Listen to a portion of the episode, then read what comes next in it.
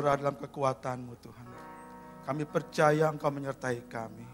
Kami percaya Engkau ada di tengah-tengah kami saat ini Bapa. Kami sudah memuji Engkau, kami sudah meninggikan namamu Bapa. Saatnya Tuhan kami di bawah kakimu mendengar suaramu. Bapa, urapi hambamu ini yang dengan terbatas. Biarlah kuasa Tuhan atas hambamu ini. Sehingga setiap perkataan yang keluar itu bukan berasal daripada hamba. Tapi daripada Tuhan sendiri yang berbicara kepada kami semua. Tumpahkan isi hatimu kepada kami semua Tuhan. Apa yang kau inginkan Tuhan yang harus kami perbuat dalam hidup ini. Supaya hidup kami ini boleh menyenangkan hatimu ya Tuhan. Terima kasih Bapak, kami menyerahkan waktu dalam tangan Tuhan. Roh Kudus kau bekerja di tengah-tengah kami. Roh Kudus cengkram kami. Roh Kudus urapi kami. Jangan biarkan kami Tuhan tidak fokus kepada benar firman Tuhan. Tapi biarlah mata hati kami tertuju hanya kepada Engkau. Dan kami percaya Tuhan bahwa Tuhan memberikan kami berkat lewat firman-Mu ini Bapak. Terpujilah namamu Bapa. Dalam nama Yesus kami berdoa. Haleluya. Amin. Amin. Ya shalom, selamat sore menjelang malam ya. Puji Tuhan. Untuk pertama kali saya di TRI 3. Biasanya TRI 2 atau TRI 1 begitu. Terima kasih kalau saya diberi kesempatan oleh penatua untuk membawa firman Tuhan. Saya percaya ini Tuhan yang memberikan kepada saya. Baik, kita akan melihat firman Tuhan saudara. Kita buka dari Lukas 10 ayat 38 sampai 42. Lukas 10 ayat 38 sampai 42. Kisah yang tidak asing buat kita, yang kita sudah tahu, tapi kita mau coba baca lagi, kita mau ngerti lagi tentang firman Tuhan ini. Saya bacakan ayat genap, Bapak Ibu ayat ganjil, dan seterusnya demikian. Kisahnya tentang Maria dan Marta. Saya bacakan ayat 38. Ketika Yesus dan murid-muridnya dalam perjalanan, tibalah ia di sebuah kampung. Seorang perempuan yang bernama Marta menerima dia di rumahnya.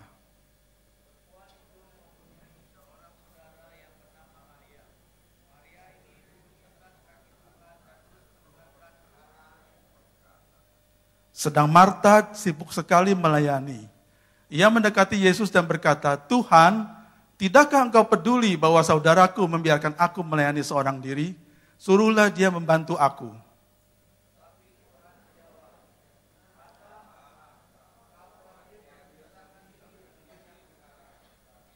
Tetapi hanya satu saja yang perlu. Maria telah mengambil, Maria telah memilih bagian yang terbaik yang tidak akan diambil daripadanya. Bapak Ibu, firman Tuhan atau kisah ini nggak asing. Sudah berkali-kali, berulang kali mungkin kita baca, kita dengar di khotbahkan. Nah saat ini saya coba mengambil kembali, ada hal yang sangat penting yang perlu kita tahu dan kita sadari dan kita terapkan dalam hidup ini. Suatu yang sangat dasar, tetapi dasar itu bukan berarti nggak penting. Dasar itu penting bagi kita. Amin. Di sini kita melihat ada dua tokoh, yaitu Marta dan Maria, Bapak Ibu. Dan kisah Maria Marta ini dicatat dalam dua Injil, baik Injil Lukas dan Injil Yohanes. Betania itu kurang lebih 3 kilo dari Yerusalem, dan kita tahu bahwa setiap kali Tuhan Yesus datang ke Yerusalem, dia pasti mampir di Betania dan tinggal di rumahnya Maria dan Marta. Kita akan lihat dua tokoh ini, yaitu Marta dan Maria. Kita tahu bahwa Marta itu adalah seorang yang sibuk melayani, dikatakan dalam firman Tuhan. Ya, Sedangkan Maria duduk diam di bawah kaki Tuhan. Nah, Marta adalah seorang tipe yang suka melayani. Berarti kalau saya coba explore, Marta ini pasti rajin. Orang yang melayani itu bukan orang pemalas, tapi orang yang rajin. Betul?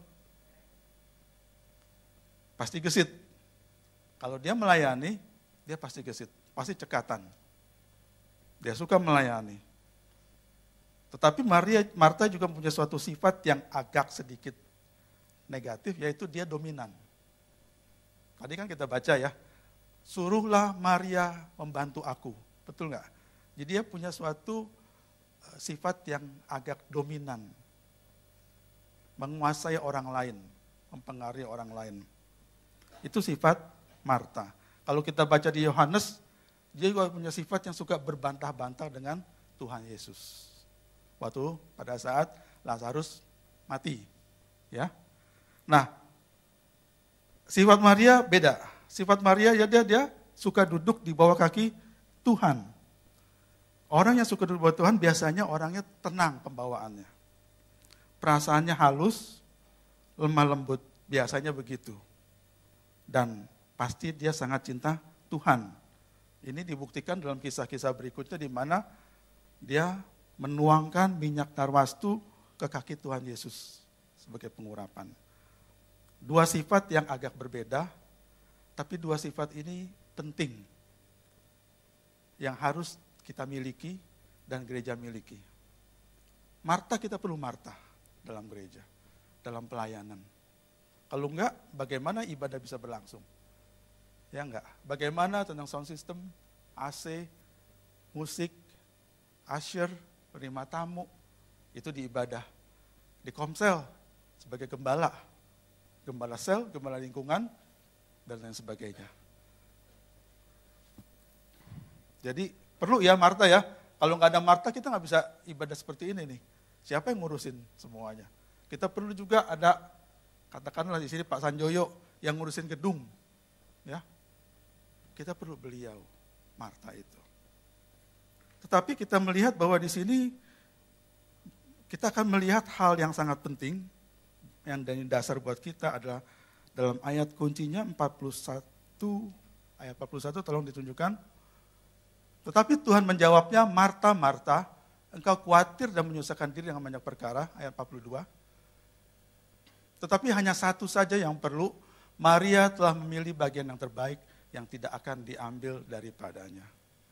Tuhan Yesus memberikan suatu komentar kepada Marta bahwa Marta, Marta, engkau khawatir dengan banyak perkara. Engkau menyusahkan diri dengan banyak perkara. Tetapi Maria telah memilih bagian yang terbaik yang tidak akan diambil daripadanya. Satu saja yang perlu. Dalam terjemahan sederhana Indonesia, apakah ada TSI? Enggak ada ya? Oke, disebutkan begini. Saya bacakan. Marta, Marta, kamu khawatir dan membuat susah dirimu dengan banyak hal. Padahal hanya satu yang penting dan yang terbaik, itu merupakan berkat yang tidak bisa diambil oleh siapa pun daripadanya. Saya bacakan lagi. Marta, Marta, kamu khawatir dan membuat susah diri sendiri dengan banyak hal. Padahal hanya satu yang penting dan yang terbaik. Apa itu? Duduk di bawah kaki Tuhan, mendengarkan suara Tuhan. Dikatakan itu merupakan berkat yang tidak bisa diambil oleh siapa pun daripadanya.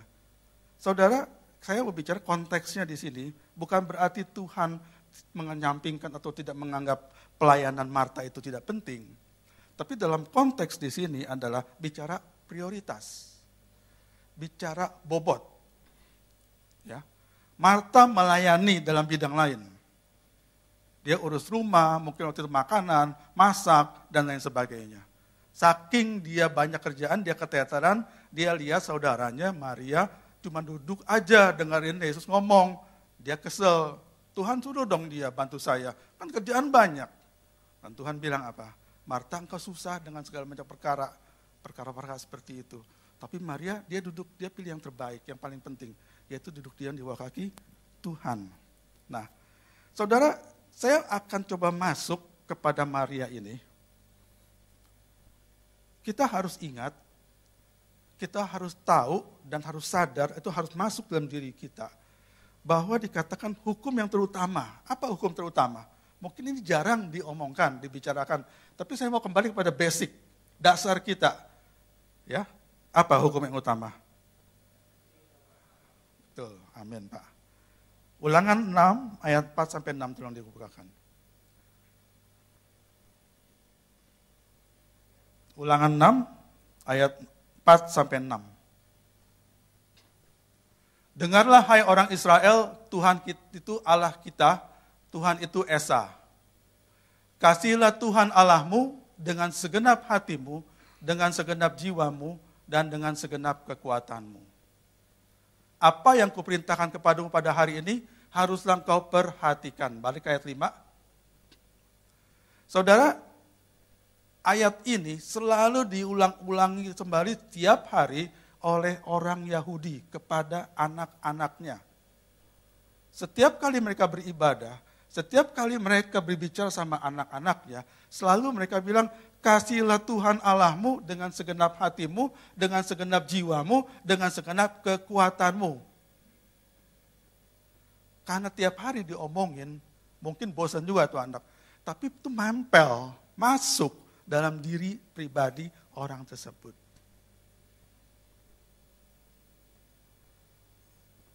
Kita harus ingat hukum yang terutama adalah kasihilah Tuhan Allahmu. Dengan apa? Dengan hati kita.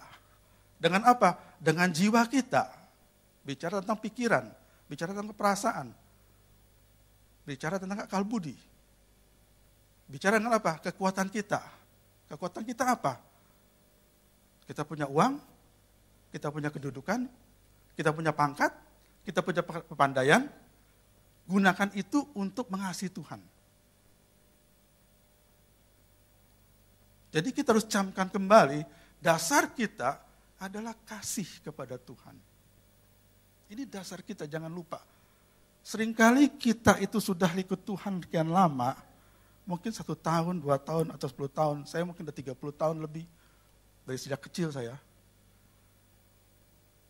Kadang-kadang kita lupa kepada ini kita terjebak dengan rutinitas setiap hari.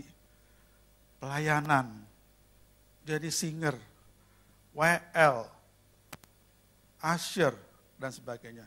Kita jalankan itu karena rutinitas, jadi seperti tugas, tugas dan tugas. Kita lupa, utamanya adalah mengasihi Tuhan. Dasar motivasi kita melayani adalah ini. Bukan karena ditugaskan oleh koordinator ibadah, bukan karena kita ditugaskan oleh pendeta, bukan karena kita ditugaskan oleh hamba Tuhan, tapi dasarnya ini kasih Tuhan. Jadi nggak perlu pelayanan itu harus ada di mimbar. Saya pengen kelihatan orang, saya ingin orang lihat saya, tapi pelayanan kita yang tersembunyi Tuhan lihat, Tuhan lihat hati dalam diri kita. Amin. Jadi ini yang paling utama. Nah, beranjak dari sini, langkah utama kita adalah supaya kita bisa mengasihi Tuhan adalah nggak ada cara lain, nggak ada yang lain, adalah hanya bersekutu dengan Tuhan. Sekali saya katakan, tindakan pertama kita mengasihi Tuhan adalah bersekutu dengan Dia. Bapak Ibu, bisakah kita melayani Tuhan, pekerjaan Tuhan, dengan kita tidak bersekutu dengan Tuhan. Bisa, saya katakan bisa. Makanya saya hari ini saya akan coba ambil khotbah judulnya pentingnya punya persekutuan pribadi dengan Tuhan. Bapak Ibu, sebelum saya masuk kepada yang lebih lanjut, saya akan coba melihat, kita coba lihat sebentar mengulas dari perjanjian lama. Coba buka kejadian 5 ayat 22 sampai 24.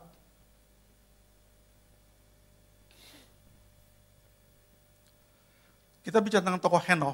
Dikatakan Henoh hidup bergaul dengan Allah selama 300 tahun lagi setelah ia memeranakan Metusala dan ia memeranakan anak laki-laki dan perempuan.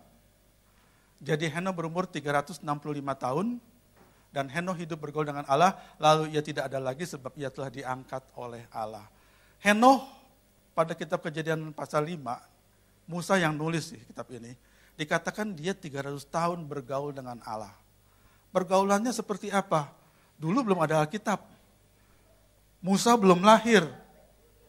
Kitab-kitab perjanjian lama belum ada. Apalagi kitab perjanjian baru. Tapi dikatakan Heno hidup bergaul. Artinya apa? Heno tiap hari dia bergaul, berbicara dengan Allah, pribadi Allah itu. Yang berupa roh. Dan dikatakan kemudian dia diangkat oleh Allah. Lalu kita lihat lagi yang kedua. Nuh, kejadian 6 ayat 9. Inilah riwayat Nuh. Nuh adalah seorang yang benar dan tidak bercela di antara orang-orang sezamannya. Dan Nuh itu hidup bergaul dengan Allah. Dikatakan Nuh hidup bergaul dengan Allah. Identitas Nuh adalah satu. Dia hidup bergaul dengan Allah. Oleh karena itu disebut dia orang yang benar dan tidak bercela di hadapan orang-orang sezamannya. Nah saudara, kita harus belajar dari Nuh, kita harus belajar dari Henoh, bahwa mereka hidupnya bergaul dengan Allah. Dalam bahasa Inggrisnya dikatakan walk with God. Berjalan bersama-sama dengan Allah setiap hari. Inilah sebenarnya kunci daripada kita beragama Kristen. Yaitu bergaul, berjalan bersama-sama dengan Allah di dalam Yesus Kristus. Bisa nggak kita ber melayani, tapi hati kita jauh dari Tuhan? Ya? Tidak. Yang bilang tidak siapa? Yang bilang bisa siapa? Bisa ya? Bisa. Ayatnya. Baca Matius 15 ayat 7 sampai 9. Tuhan Yesus mengutip apa yang ada dalam nubuat Yesaya. Hai orang-orang munafik, benarlah nubuat Yesaya tentang kamu. Bangsa ini memuliakan aku dengan bibirnya, padahal hatinya jauh daripadaku. Percuma mereka beribadah kepadaku, sedangkan ajaran yang mereka ajarkan ialah perintah manusia. Dikatakan oleh Tuhan Yesus mengutip Yesaya, mereka beribadah memuliakan aku dengan bibirnya, tapi hatinya jauh dari Tuhan. Bisa seperti itu. Kita bisa melayani di gereja, di komsel, tapi hati kita jauh dari Tuhan. Contohnya, saya pernah dengar kesaksiannya Benihin. Kita tahu kan hamba Tuhan kali berbesar, KKR mujizat dia lakukan. Tapi dia bilang, ada saat-saat dia jauh dari Tuhan. Saya waktu baca itu bagaimana bisa seseorang hamba Tuhan besar yang mengadakan mujizat, kesembuhan dan sebagainya, tapi hatinya jauh daripada Tuhan. Tapi ternyata dia mengakui bahwa dia kadang-kadang hatinya jauh dari Tuhan. Tuhan itu jauh daripada saya. Kenapa demikian? Kembali kita kepada yang semula. Apakah dia berperilaku seperti Marta atau dia berperilaku seperti Maria? Kalau dia berperilaku seperti Marta, lama-kelamaan dia akan jauh dari Tuhan. Tapi kalau dia berperilaku seperti Maria, dia tetap berjalan bersama-sama dengan Tuhan. Amin. Nah, biarlah apa yang saya katakan di sini boleh mengingatkan kepada kita, termasuk saya, bahwa hati-hati. Seringkali kita terjebak dengan pelayanan. Kita pikir kita sudah melayani Tuhan. Kita pikir sudah kita sudah sibuk dengan Tuhan. Kita pikir Tuhan berkenan sama kita. Ternyata Tuhan tidak berkenan sama kita. Karena kita meninggalkan waktu kita bersama-sama dengan Tuhan. Kita melakukan pelayanan demi pelayanan hanya untuk sekedar rutinitas belaka, tugas belaka. Enggak ada waktu lagi untuk bersekutu dengan Tuhan secara pribadi. Nah ini yang Tuhan nggak mau, saudara. Saya mengutip satu hamba Tuhan, namanya Encos Foskem, mengatakan begini, aktivitas untuk Tuhan tidak sama dengan keintiman dengan Tuhan. Sekali lagi, aktivitas untuk Tuhan tidak sama dengan keintiman dengan Tuhan. Pelayanan tidak sama dengan persekutuan pribadi dengan Tuhan. Walaupun keduanya perlu bagi dua sisi mata uang, tapi pelayanan tidak bisa menggantikan hubungan pribadi dengan Tuhan. Tidak bisa mengabaikan persekutuan pribadi. Seringkali kita berpikir, ya Tuhan saya sudah capek, kan saya sudah doa Tuhan di gereja. Doa sama-sama, doa pengurapan. Doa sama-sama, udah melayani sama-sama. Saya udah capek Tuhan, saya mau tidur. Besok pagi saya mau kerja, bangun, dan sebagainya. Kita pikir kita sudah melakukan yang baik. Tapi kita mengabaikan waktu kita bersama-sama dengan Tuhan secara pribadi. Nah saya mau masuk ke bagian ini saudara. Bahwa saya mau katakan begini. Iblis, setan, berusaha untuk membuat saudara tidak melayani Tuhan. Ya. Tetapi kalau dia tidak bisa membuat orang itu tidak melayani Tuhan, dia akan jorokkan orang itu untuk pelayanan. Dari satu pelayanan ke pelayanan lain, dari satu pelayanan sampai habis waktu dia, sehingga dia putus hubungannya dengan Tuhan. Tidak connect dengan Tuhan. Mengandalkan kekuatan sendiri dan melayani dari satu ke satu, satu. Dari pagi sampai malam, sampai malam pagi. Nggak ada lagi hubungan sama Tuhan. Dan itu bahaya. Saya bilang bahaya. Kenapa? Nanti kita lihat. Oke, kita lanjutkan Bapak Ibu. Seperti apakah membangun persekutuan pribadi dengan Tuhan? Saudara, hubungan itu nggak bisa terjadi dengan sendirinya, betul? Hubungan itu harus dibangun. Hubungan itu harus dirawat. Hubungan itu harus dijalin. Kayak kita nanam tanaman, kita nggak biar nggak bisa membiarkan itu tumbuh sendiri. Kita harus siram, kita harus kasih matahari, kita harus pupuk supaya dia bertumbuh seperti yang kita inginkan. Demikian juga dengan hubungan, apalagi hubungan suami dengan istri, apalagi hubungan kita dengan tuh Tuhan. Dan ada dua hal unsur penting dalam dalam hubungan. Satu waktu dan kedua adalah komunikasi. Kalau kita tidak bisa menyediakan waktu, nggak akan ada hubungan. Hubungan itu unsurnya adalah waktu. Waktu bersama-sama. Waktu untuk sama-sama saling berinteraksi, saling berkomunikasi. Tapi bukan hanya waktu, tapi komunikasi.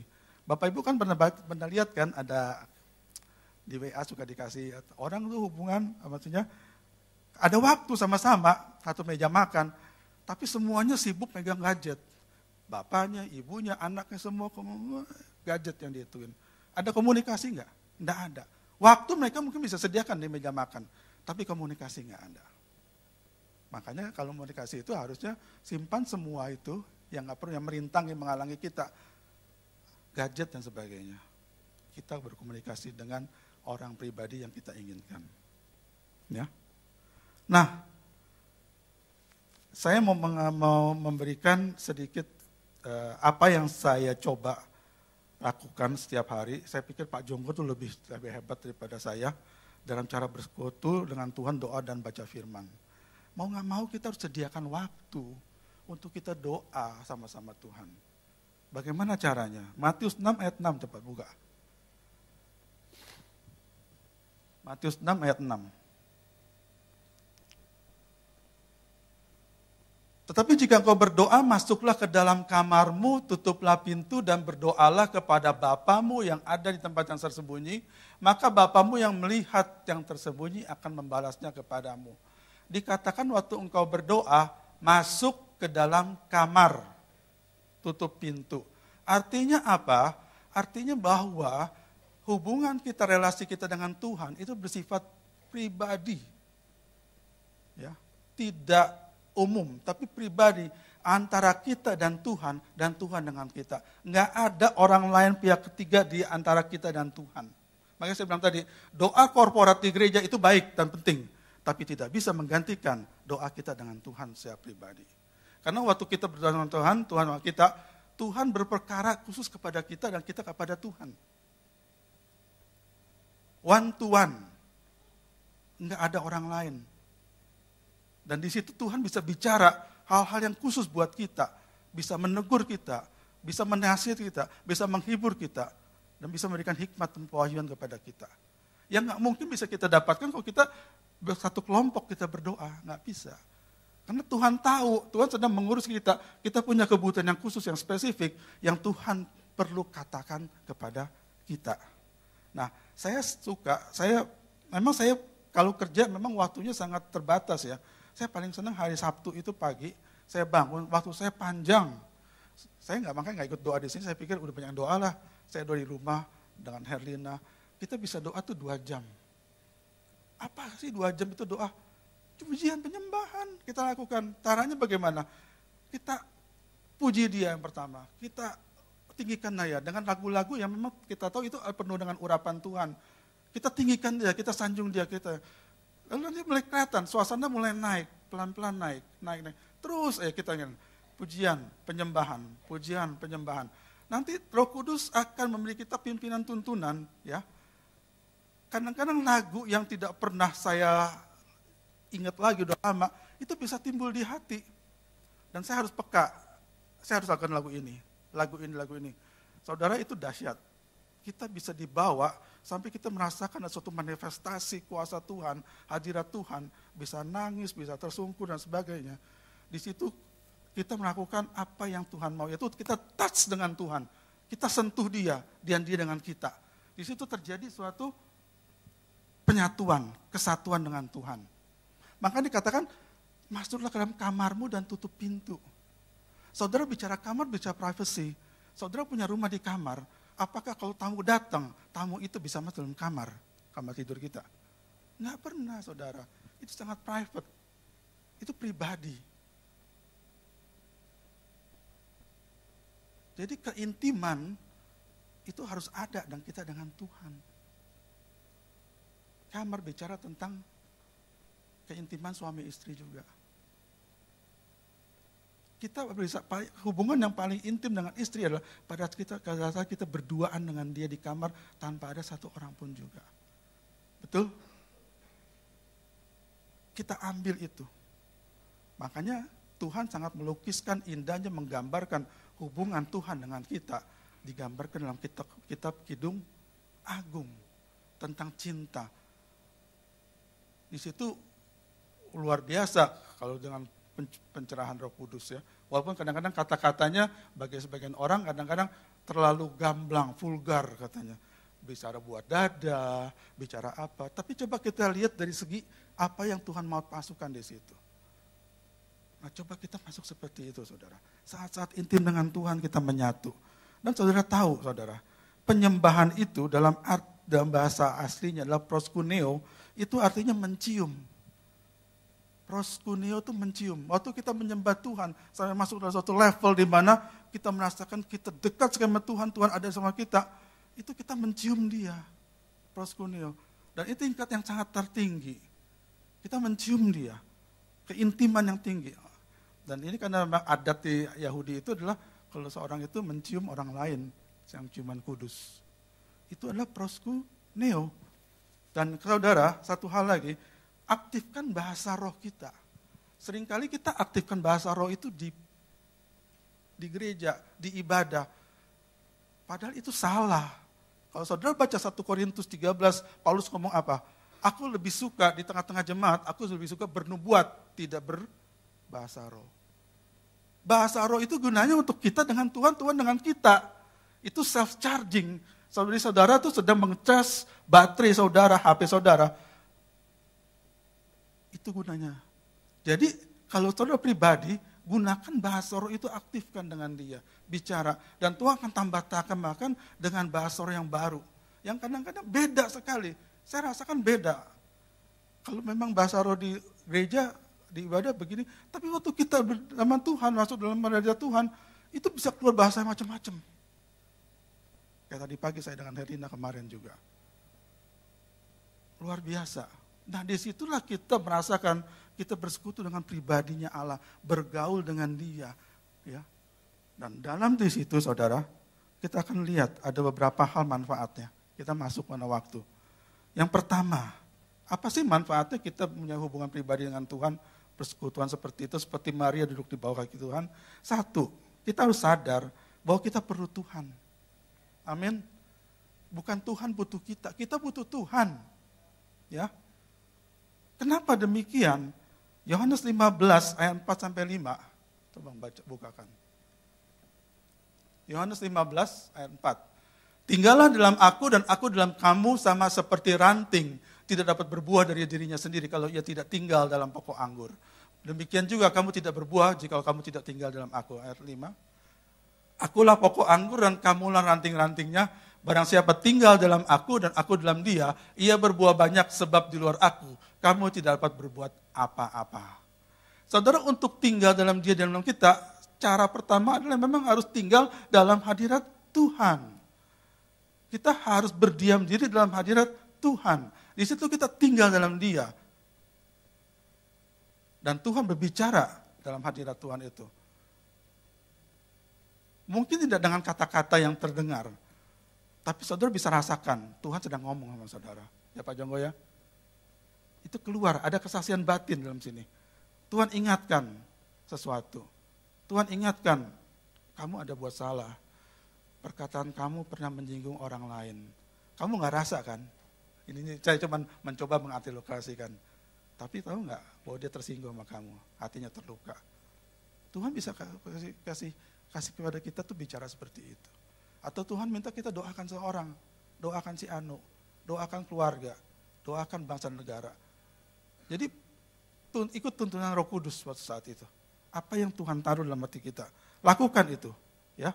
Nah, saudara, kita perlu Tuhan. Kita datang kepada Sang Pencipta kehidupan. yang punya langit dan bumi. Sumber hidup itu. Bagaimana mungkin kita pengen hidup kita hidup, pekerjaan kita hidup, keluarga kita hidup, usaha kita hidup, kalau kita tidak datang kepada sumber hidup itu. Nggak mungkin saudara. Karena kehidupan itu datangnya dari dia. Dialah yang memberikan segala sesuatu. Sumber kasih karunia itu dari dia. Jadi kita harus sadari bahwa kita butuh Tuhan. Karena kalau kita butuh, ya udah dong. Sediain waktu buat dia. Berdoa dengan dia, bercakap-cakap dengan dia, curhat dengan dia. Ini yang pertama. Yang kedua, Yesaya 40 ayat 29 sampai 31. 40 ayat 29 sampai 31. Dia memberi kekuatan kepada yang lelah dan menambah semangat kepada yang tidak berdaya. Orang-orang muda menjadi lelah dan lesu, dan teruna-teruna jatuh tersandung. Tetapi orang yang menanti-nantikan Tuhan mendapat kekuatan baru. Mereka seumpama Raja Wali yang naik terbang dengan kekuatan sayapnya. Mereka berlari dan tidak menjadi lesu. Mereka berjalan dan tidak menjadi lelah.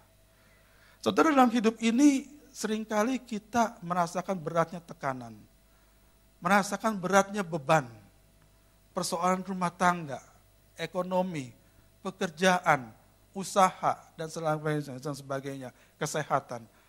Kadang-kadang kita bilang, Tuhan saya capek, saya nggak kuat.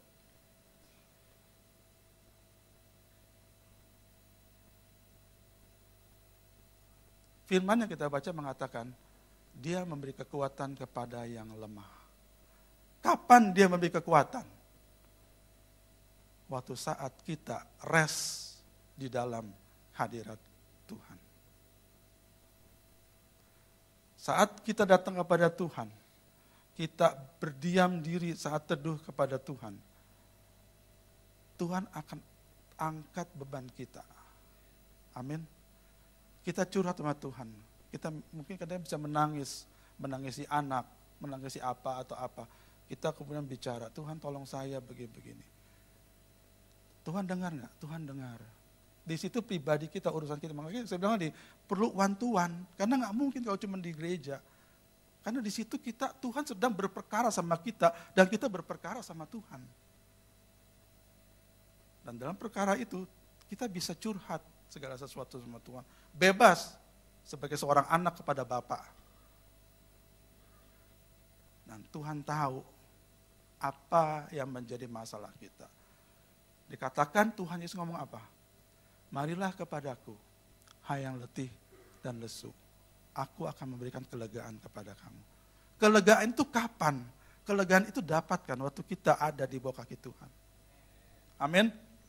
Di situ Tuhan akan angkat beban saudara. Atau kalau Tuhan nggak angkat beban saudara, tetap utang, tetap utang ya tapi Tuhan memberikan kekuatan kepada saudara, memberikan jalan keluar, memberikan hikmat kepada kita, sehingga kita bisa mengatasi masalah itu. Ini janji Tuhan. Bahwa kalau kita berdiam dalam diri dalam diri ada dalam hadirat Tuhan, kita mendapatkan kekuatan yang baru. Orang yang menanti-nantikan Tuhan, wait upon the Lord, mendapat kekuatan baru. Saudara mau dapat kekuatan dari Tuhan? Amin itu hanya bisa dapat kalau kita dalam hadirat Tuhan. Amin. Musa setiap kali ada masalah dengan orang Israel, dia ngadep Tuhan kok. Dia tanya Tuhan. Dia minta petunjuk Tuhan. Dan Tuhan memberikan. Bayangkan ngurusi bangsa yang begitu jutaan, tegar tengkuk, macam-macam masalahnya, pasti banyak. Tuhan, Mas Musa harus datang kepada Tuhan dan berbicara. Minta jalan keluar, solusinya apa. Begitu juga dengan kita kita terbatas. Saudara kita hidup ini bukan hidup yang gampang, sulit kan. Cari pekerjaan mungkin sulit, kompetitor banyak. Buka usaha juga yang banyak juga buka kompetitor. Kalau bukan Tuhan yang nolong kita, mana sanggup kita? Kita harus melawan orang lain, atau bukan melawan, tapi bersaing dengan orang lain. Kita butuh Tuhan menyertai. Kita butuh Tuhan membukakan, membukakan tingkap-tingkap langit. Berkat itu buat kita, yang mana buat kita? Tuhan yang berikan. Nah, itulah di dalam rest in God presence kita akan mendapatkan. Saya mengalami ini beberapa kali, saudara. Dari pekerjaan yang lama, singkat aja ya, saya kerja 20 tahun di Ayapko, perusahaan minyak Amerika.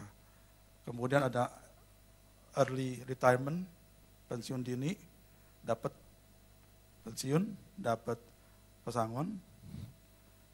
Kemudian saya berpikir saya dapat gampang cari pekerjaan, tapi ternyata nggak seperti apa yang saya saya pikirkan. Hampir dua tahun saya jobless, nggak ada pekerjaan. Saat-saat yang sangat kritis, sampai keuangan saya kritis karena saya juga salah untuk menginvestasikan uang. Apa yang saya bisa buat? Saya hanya lari kepada Tuhan. Nggak bisa lari kepada yang lain. Karena saya tahu hanya Tuhan yang sanggup tolong saya. Dan Tuhan izinkan itu karena Tuhan sedang membentuk saya. Saya dapat pekerjaan kontrak Pak, tiga bulan. THES, perusahaan Amerika juga. Tiga bulan, Tuhan tanggung jawab tiga bulan Pak. Setelah tiga bulan diperpanjangnya tiga bulan. Tadinya mau diterusin, tiba-tiba terjadi bubble ekonomi di Amerika. Sehingga program-programnya si HES di sini tuh stop semua, karena kan pinjaman uang kan. Waktu itu bank, kolaps semua. Hanya saya nggak diperpanjang. Masuk jilid dua, joblessnya. Kemudian di situ sampai titik nadir, sampai saya bilang, Tuhan kalau nggak ada saya nggak bisa makan nih eh Tuhan bukakan di Pertamina Petrocina. Dapat. Pada saingan ada, yaitu saya bilang tadi, kasih karunia Tuhan. Bayangkan umur udah 45 ya. Tadi dulu 2000 2016, 14 sekitar 50 Pak, 50 lebih. Bayangkan mana bisa orang 50 lebih punya punya rumah, eh punya dapat pekerjaan. Tapi Tuhan bukain tuh, walaupun kontrak nggak apa-apa, kontrak sampai 4 tahun. Tadinya mau dibikin permanen katanya 50 waktu itu umur saya masih 50 berapa ya, 51, 52. Tapi ada kejadian-kejadian sehingga tidak permanen kontrak. Nah, terakhir setelah itu saya pindah, ada pekerjaan di Pacific Oil and Gas, perusahaan lokal. Lumayanlah, di situ saya ditarik. Tapi waktu dia mau jalan, tiba-tiba harga minyak turun, drop. Drop banget, sampai lima, terakhir berapa itu? Stop semua nggak bisa gerak apa-apa. Akhirnya dua tahun saya di situ, akhirnya nggak bisa lagi karena mereka bilang give up mereka juga. Keadaan begini, nggak bisa buat apa-apa. Di situ saya pun berpikir, Tuhan apakah saya masuk kepada jilid yang berikutnya? Saya jobless. Bayangkan pada umur udah 50, 2016, 56. Tuhan bukain loh Pak Walaupun saya tuh doa, saya doa. Dalam satu bulan, bulan Agustus, bulan Juli itu terjadi awal. Dikasih tahu, habis bulan kamu nggak ada panjang. Agustus saya dapat kerjaan. Tapi saudara tahu, itu berkat doa kita, doa saya dan doa Harina kita sama-sama. Kita berlutut, kita berdoa, minta Tuhan tolong.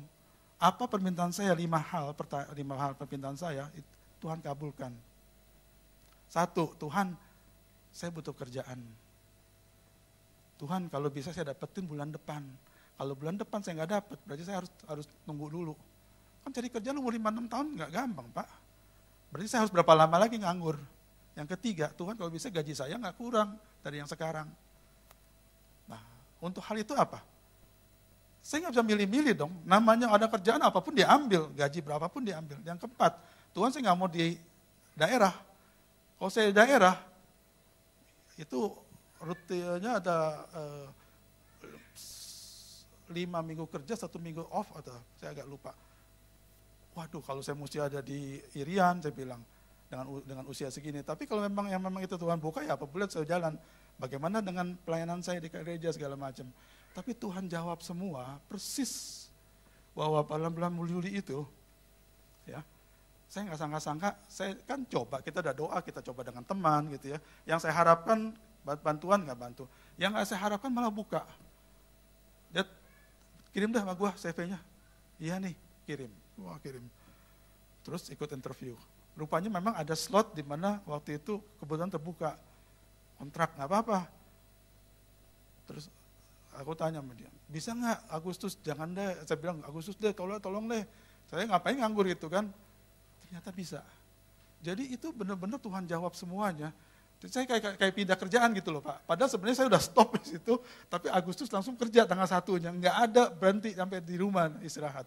Nah itu semua apa? Itu karena ada berkat Tuhan yang sebelum tadi. ya Dari Tuhan itu. Yang berikutnya, saya mau waktu nih, karena waktu saya mau tempatnya dikit. Yang ketiga adalah dalam hadirat Tuhan itu kita mendapatkan tuntunan dan hikmat ya atas persoalan kita.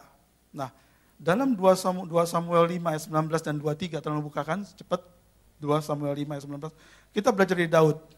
Ya. Bagaimana rahasia Daud menang atas Filistin? 2 Samuel 5, 2 Samuel 5 ayat 19.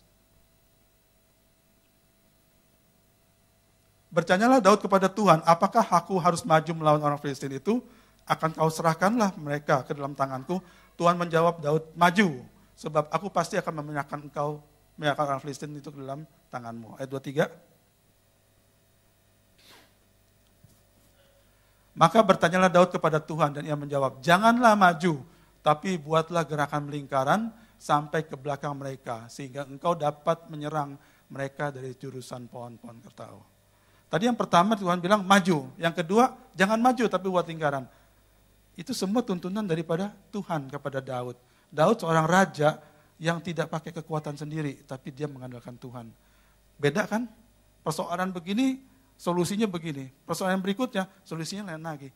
Itu hanya dari mana? Dari Tuhan yang memberikan. Kadang-kadang kita nggak pakai bisa pakai pengalaman yang lalu untuk mengusahakan masalah yang sekarang. Kadang-kadang beda. Hanya Tuhan yang tahu solusi yang terbaik. Amin. Yang keempat, mendapatkan koreksi dari Tuhan atas sifat dan perbuatan kita yang belum benar. Kembali contohnya Daud. Ya. Mazmur 26 ayat 2 mengatakan, Ujilah aku ya Tuhan dan cobalah aku, selidikilah batinku dan hatiku. Mazmur 139 ayat 23 dan 24 mengatakan, coba tolong dibukakan, Mazmur 139 ayat 23 dan 24. Selidiklah aku ya Allah dan kenalah hatiku. Ujilah aku dan kenalah pikiran-pikiranku. Lihatlah apakah jalanku serong dan tuntunlah aku di jalan yang kekal. Daud membuka dirinya kepada Tuhan dan minta Tuhan melihat, mengkoreksi hidupnya. Apakah ada yang salah? Apakah ada hal yang perlu diperbaiki?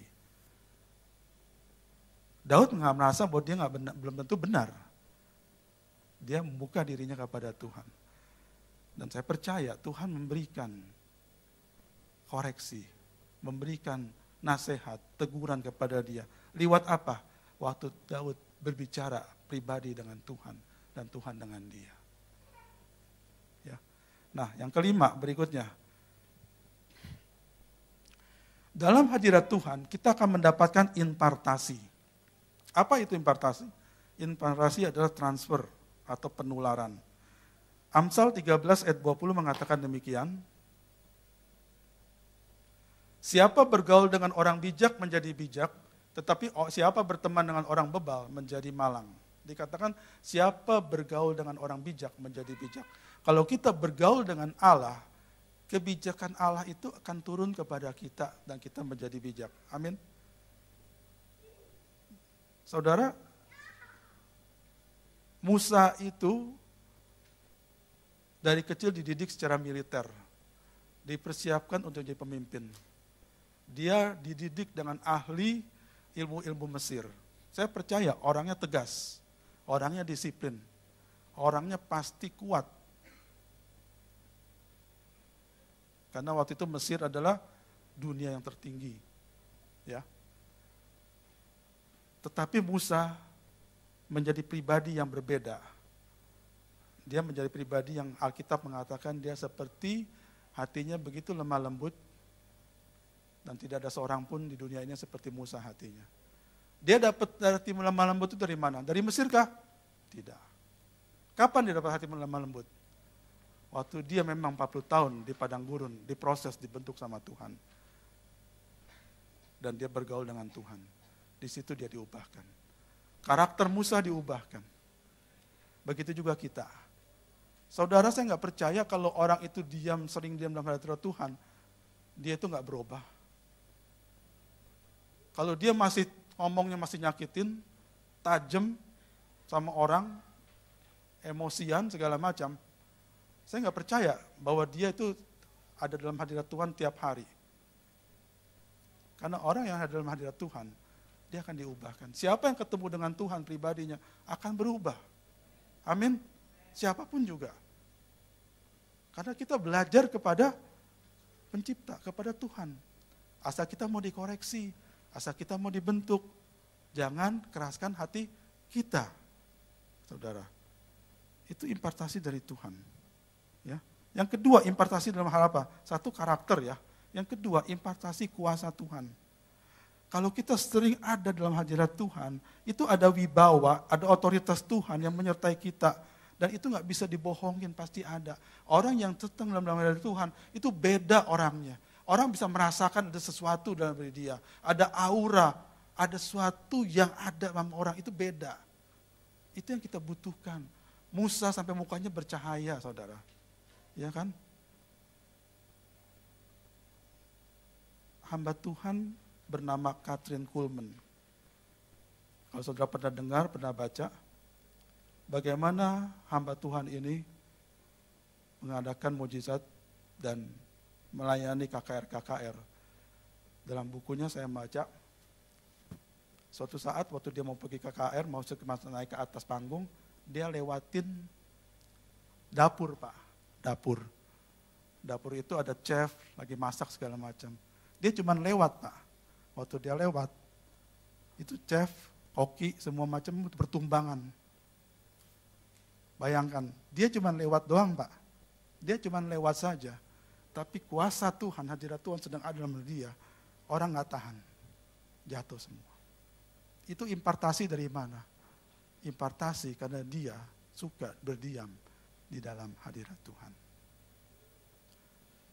Begitu juga dengan Smith Wigglesworth seorang tukang ledeng. Hamba Tuhan Inggris. Kalau nggak salah dia buta huruf ya Pak. Dia bisa membangkitkan orang mati berkali-kali. Bukan dengan kekuatan dia, tapi ada impartasi kuasa Tuhan. Jadi kalau saudara ingin mendapatkan karakter Tuhan, ingin mendapatkan kuasa Tuhan, banyak-banyak berdiam di dalam hadirat Tuhan. Amin. Yang berikutnya. Ada pembelaan atau keberpihakan Tuhan. Saya nggak bicara bahwa kalau kita salah Tuhan berpihak, nggak. Tapi kalau kita ada dalam hadirat Tuhan dan kita sebagai anaknya kita sering datang ke Tuhan, percayalah bahwa Tuhan itu membela kita dalam hal apa pun juga. Kalau kita benar. Baca tentang Maria kembali. Tolong buka Yohanes 11 ayat 32. Ini bicara tentang Maria yang tadi. Yohanes 13, oh Yohanes 11 ayat 32. Setibanya Maria di tempat Yesus berada dan melihat dia, tersungkurlah ia di depan kakinya dan berkata kepadanya, Tuhan sekiranya engkau ada di sini, saudaraku pasti tidak mati. Kemudian terus, tiga-tiga. Ketika Yesus melihat Maria menangis dan juga orang-orang Yahudi yang datang bersama-sama dia, maka masuklah hatinya dan ia sangat sangat terharu dan berkata, di manakah dia akan membaringkan? Jawab mereka, Tuhan marilah dan lihatlah. Tolong buka Yohanes 11 ayat 21. Maka kata Marta kepada Yesus, Tuhan sekiranya engkau ada di sini, saudaraku pasti tidak mati. Ayat 22. Tetapi sekarang pun aku tahu bahwa Allah akan memberikan padamu segala sesuatu yang kau minta kepadanya. Dan seterusnya. Kita lihat ayat 21 mengatakan bahwa Marta bicara, Tuhan sekiranya engkau ada di sini, saudaraku pasti tidak mati. Ayat 32, kembali lagi yang tadi. Ini Marta yang ngomong ya, baca yang 32-nya. Setibanya Maria di tempat Yesus berada dan melihat dia, tersungkurlah dia di depan kakinya dan berkata, Tuhan sekiranya engkau ada di sini, saudaraku pasti tidak mati. Sama nggak omongan Marta Maria? Sama. Tapi apa perbedaannya? Di sini Maria tersungkur apa hasilnya? Ayat 33. Maka masuklah hatinya, ia sangat terharu. Respons Tuhan berbeda antara anak yang datang tiap hari kepada dia dengan orang yang jauh daripada dia. Di sini Maria berkata demikian, respon Tuhan Yesus beda. Dengan pada saat Marta berbicara sama Tuhan Yesus. Saudara pengen respon Tuhan sama saudara berbeda? Datanglah seperti Maria di bawah kaki Tuhan. Ada pembelaan Tuhan. Ada keberpihakan Tuhan kepada saudara. Ya. Yang selanjutnya, dalam hadirat Tuhan kita bisa melatih pendengaran dan mendapat kepekaan. Jelas, ini pasti jelas. Ya, Abraham bisa tahu orang yang datang kepada dia tiga orang itu Tuhan, kalau dia nggak punya kepekaan nggak mungkin. Karena Tuhan nampakkan dalam tiga manusia, dalam, tiga pribadi manusia yang datang. Dan dia tahu itu Tuhan yang datang. Maka dia kemudian menyongsong dan tersungkur, ya, menyembah kepada tiga orang itu. Rasul Yohanes setelah Tuhan Yesus bangkit, kemudian mereka dengan Petrus menebar mencari ikan dengan jala, mereka nggak dapat. Kemudian Tuhan Yesus berdiri di pantai, berkata, Hai anak-anak, dapatkah ikan? Nggak dapat. Coba kamu tebarkan jala ke sana, kemudian dapatkan. Ceritanya gitu. Yang pertama kali bereaksi adalah Yohanes. Dia katakan, itu Tuhan. Setelah Petrus mendengar itu Tuhan, baru Petrus pakai baju dan dia nyebur. Petrus memang orangnya spontan ya, seperti itu. Tapi yang saya mau katakan begini, Yohanes bisa peka. Dan satu-satunya roh rasul yang ada pada saat Yesus disalibkan, hanya Yohanes di bawah kaki salib. Ada. Yes, Rasul Yohanes sering duduk dalam duduknya suka bersandar di dada Yesus. Dia merasakan detak jantung Yesus. Kepekaan ini hanya bisa dapatkan kalau kita dekat dengan orang. Ya. Amin. Binatang aja bisa begitu. Kita punya anjing, kalau kita dekat, kita pulang dia tahu loh. Ini suara mobil tuan saya. Ini bukan suara mobil tuan saya. Anjingnya tahu kepekaan itu. Kita harus punya. Seperti itu. Kalau Tuhan menampakkan di saudara dalam rupa manusia, saudara tahu itu Tuhan apa hantu? Kepekaan kita. Ya, pribadi kita dengan Tuhan. Ya. Yang berikutnya yang uh, diluputkan dari malapetaka. Itu di Mazmur 91. Kalau hatinya melekat kepadaku, aku akan melaputkan dari segala malapetaka. Enggak usah dibaca deh, ini ayat berikutnya. Jadi dari beberapa ayat itu kita bisa mengambil bahwa begitu banyak manfaat yang kita bisa dapatkan kalau kita hidup ada bersekutu dengan Tuhan setiap hari dengan Tuhan. Ya, Kalau kita tahu manfaatnya, kenapa kita suka mengabaikan? Kadang-kadang kita suka lalai ya, termasuk saya terlalu capek, sibuk. Nah, saya akan masuk bagian terakhir adalah halangan-halangan apa sih yang melakukan membuat kita itu membuat kita nggak bisa melakukan uh, keintiman dengan Tuhan. Nah, kembali ke Lukas 10 ayat 41 dikatakan Lukas 10 ayat 41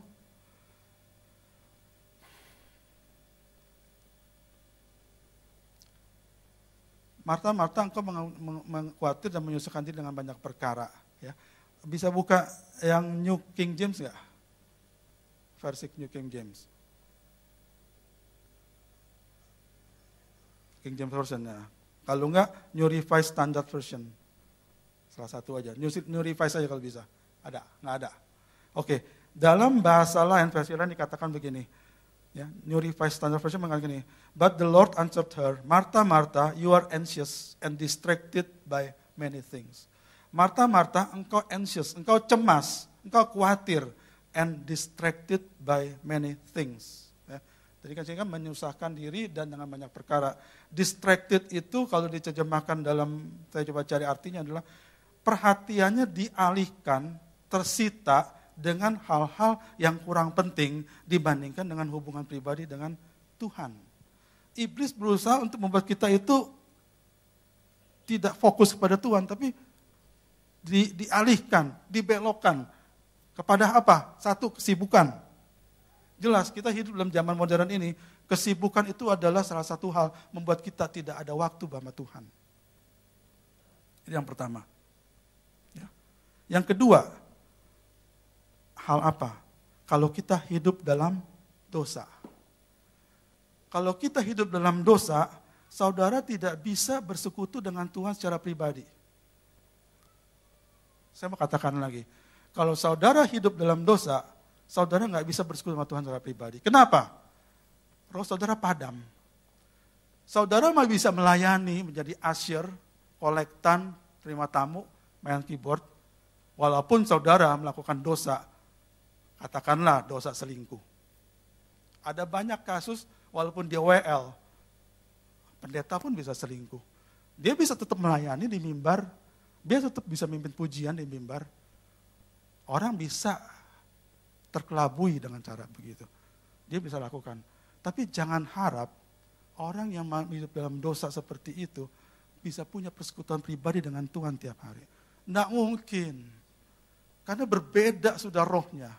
Ya, Ada dosa menghalangi dia.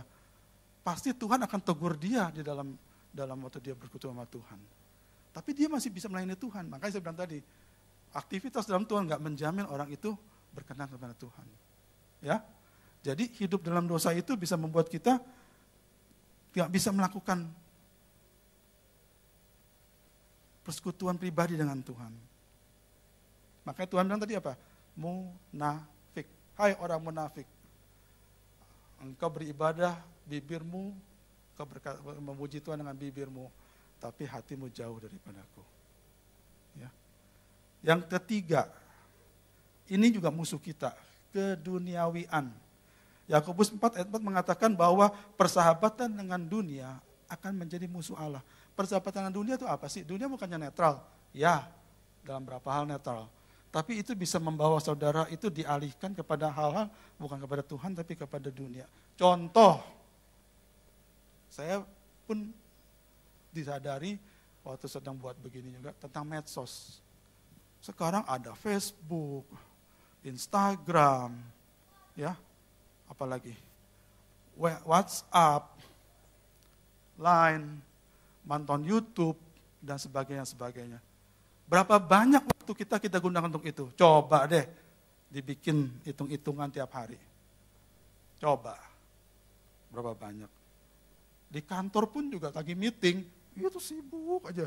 Orang ngomong apa nih meeting tetap jalan kita. Semuanya.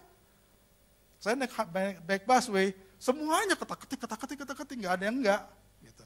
Saya bukan berarti bilang bahwa itu nggak boleh. Saya pun juga punya WhatsApp. Saya nggak main yang lain, Facebook pun saya nggak aktif. WhatsApp aja. Tapi begini, jangan sampai itu menyita saudara sehingga nggak saudara nggak ada waktu buat Tuhan. Saudara pikir begini, ah dia kan di WhatsApp ada tiap hari ada renungan. Punya 10 member, 10-10-nya kasih renungan. Sampai muntah kita bacanya. Saya makanya saya nggak mau buat renungan atau kiriman kan, saya pikir udahlah. Tapi mau saya begini, renungan itu kan sifatnya umum. Yang paling penting adalah pada saat saudara sama Tuhan, Tuhan ngomong apa sama saudara tentang diri saudara. Itu yang paling penting. Gitu. Kadang-kadang kalau banyak renungan kita nggak peka lagi sama isinya. Delete aja, delete atau liwatin, liwatin gitu kan. Jadi ini masalah ancaman loh. Medsos ini jadi saingan Tuhan zaman ini. Ya, follow lagi, follower. Kalau udah follow si Anu, Kan kita buka Instagram, kita lihat, follow dia, apa kata-katanya, apa dia ngomong, apa aktivitas dia. Akhirnya kita masukin di otak kita bukan hal yang firman Tuhan, tapi aktivitas seseorang, karena kita follow dia. Mending follow satu, follownya sepuluh. Tiap hari kita liatin itu.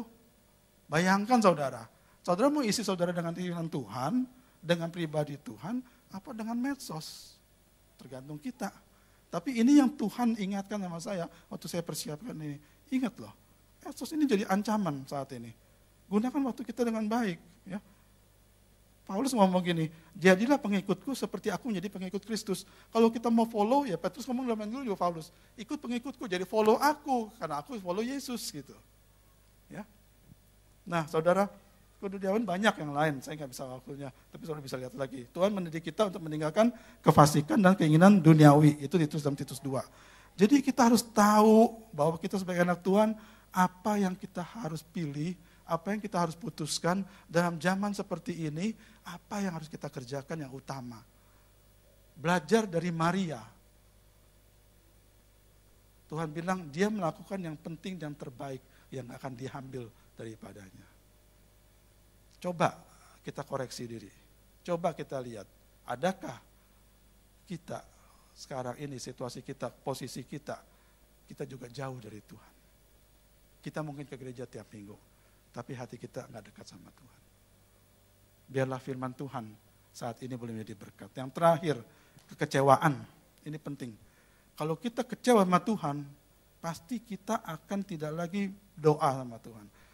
Kecewa sama hamba Tuhan, sama pekerja, enggak lagi ke gereja, pindah ke gereja. Ya, Kadang-kadang kecewa kenapa? Tekanan hidup yang terlalu berat. Persoalan bersih berganti. Akhirnya kita kecewa. Hati-hati. Tuhan bilang apa? Apabila engkau tawar hati, kecilah kekuatanmu. Nah, empat hal ini yang kita harus lihat, harus kita perhatikan.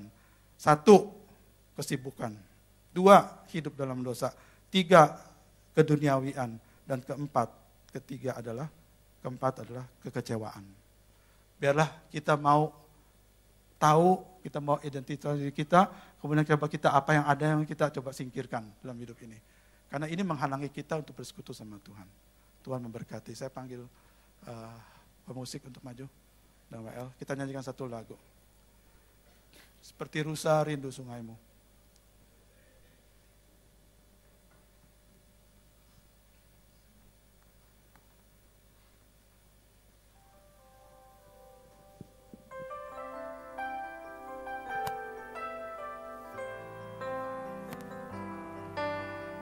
Saya undang kita berdiri. Kita nyanyikan lagu ini dengan sungguh-sungguh dari hati kita kepada Tuhan. Utarakan, tujukan kata-kata ini kepada Tuhan, nyanyian kita kepada Tuhan. Seperti rusa rindu sungaimu, jiwaku rindu engkau. Engkaulah Tuhan hatiku ku rindu menyembahmu. Engkau kekuatan dan perisaiku kepadamu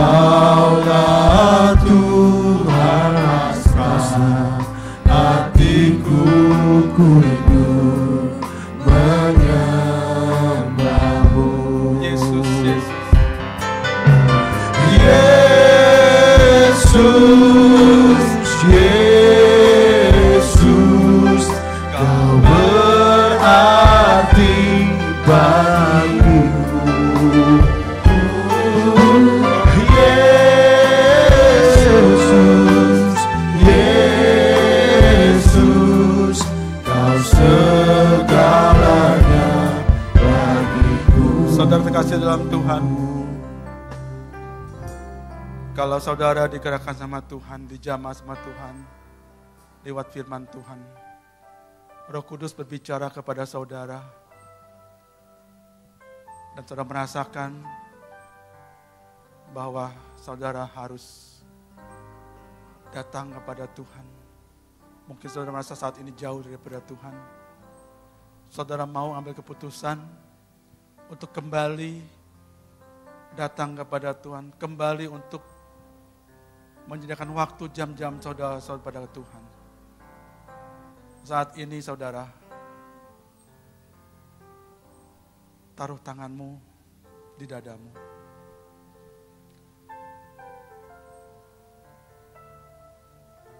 Tuhan melihat.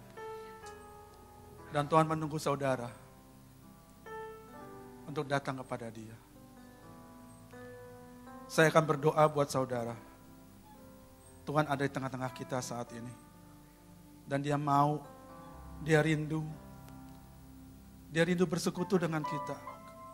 Kerinduan dia begitu hebat, begitu luar biasa. Lebih daripada rindu kita kepada dia. Saat ini mari nyanyikan lagu ini dengan sungguh-sungguh. Dengan kita angkat tangan kita kepada Tuhan. Kita rasakan dia menjamah kita. Biru jiwaku rindu engkau. Engkaulah Tuhan rasa hatiku ku rindu seperti rusa rindu sungaimu. Seperti rusa rindu Masana jiwaku rindu Engkau. Engkaulah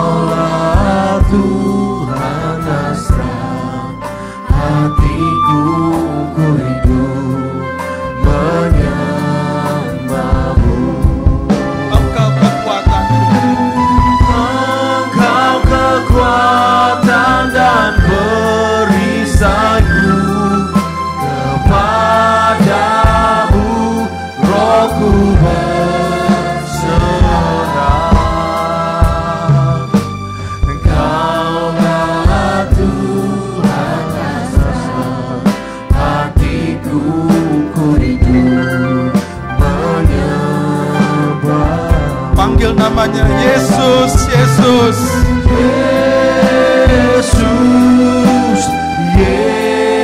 Yesus, Kau berarti bagiku. Yesus, Yesus, Kau segalanya bagiku. Musik tetap saja bermain. Bapa dalam surga, Engkau melihat anak-anakmu Tuhan. Saat ini mereka mungkin merasa jauh daripada Engkau. Mungkin mereka tetap beribadah, mereka berdoa, tapi mereka merasa bahwa mereka jauh daripada Tuhan. Saat ini Bapak, kiranya Engkau menjamah mereka dengan rohmu yang kudus. Jangan ada satupun yang kau lewatkan Tuhan. Jamah kami Bapa. Bakar kami kembali dengan apimu Tuhan. Supaya kami kembali menyala-nyala dalam engkau. Supaya kami kembali kepada kasih kami yang mula-mula Tuhan. Supaya kami boleh mengadakan waktu kami untuk engkau yang utama Bapa. Bahwa mengasihi engkau lebih di atas segala-galanya Tuhan. Mari Tuhan Roh Kudus kau jamah. Mungkin ada yang punya beban berat, masalah, persoalan. Tuhan berikan jalan keluar. Tuhan berikan kelegaan. Tuhan angkat beban-beban mereka. Berikan kekuatan baru, semangat yang baru dalam mereka Bapak. Supaya mereka pada saat nanti mereka pulang, mereka mendapat kekuatan daripada Engkau. Dan mereka boleh berjalan untuk datang kepada Engkau. Hidup hidup dalam dalam, dalam jalanmu, hidup hidup dalam dalam uh, hadiratmu ya Tuhan. Hina masana makara kara masika kara masakna kara namasana makara kara masiki aralabasana kara Jesus.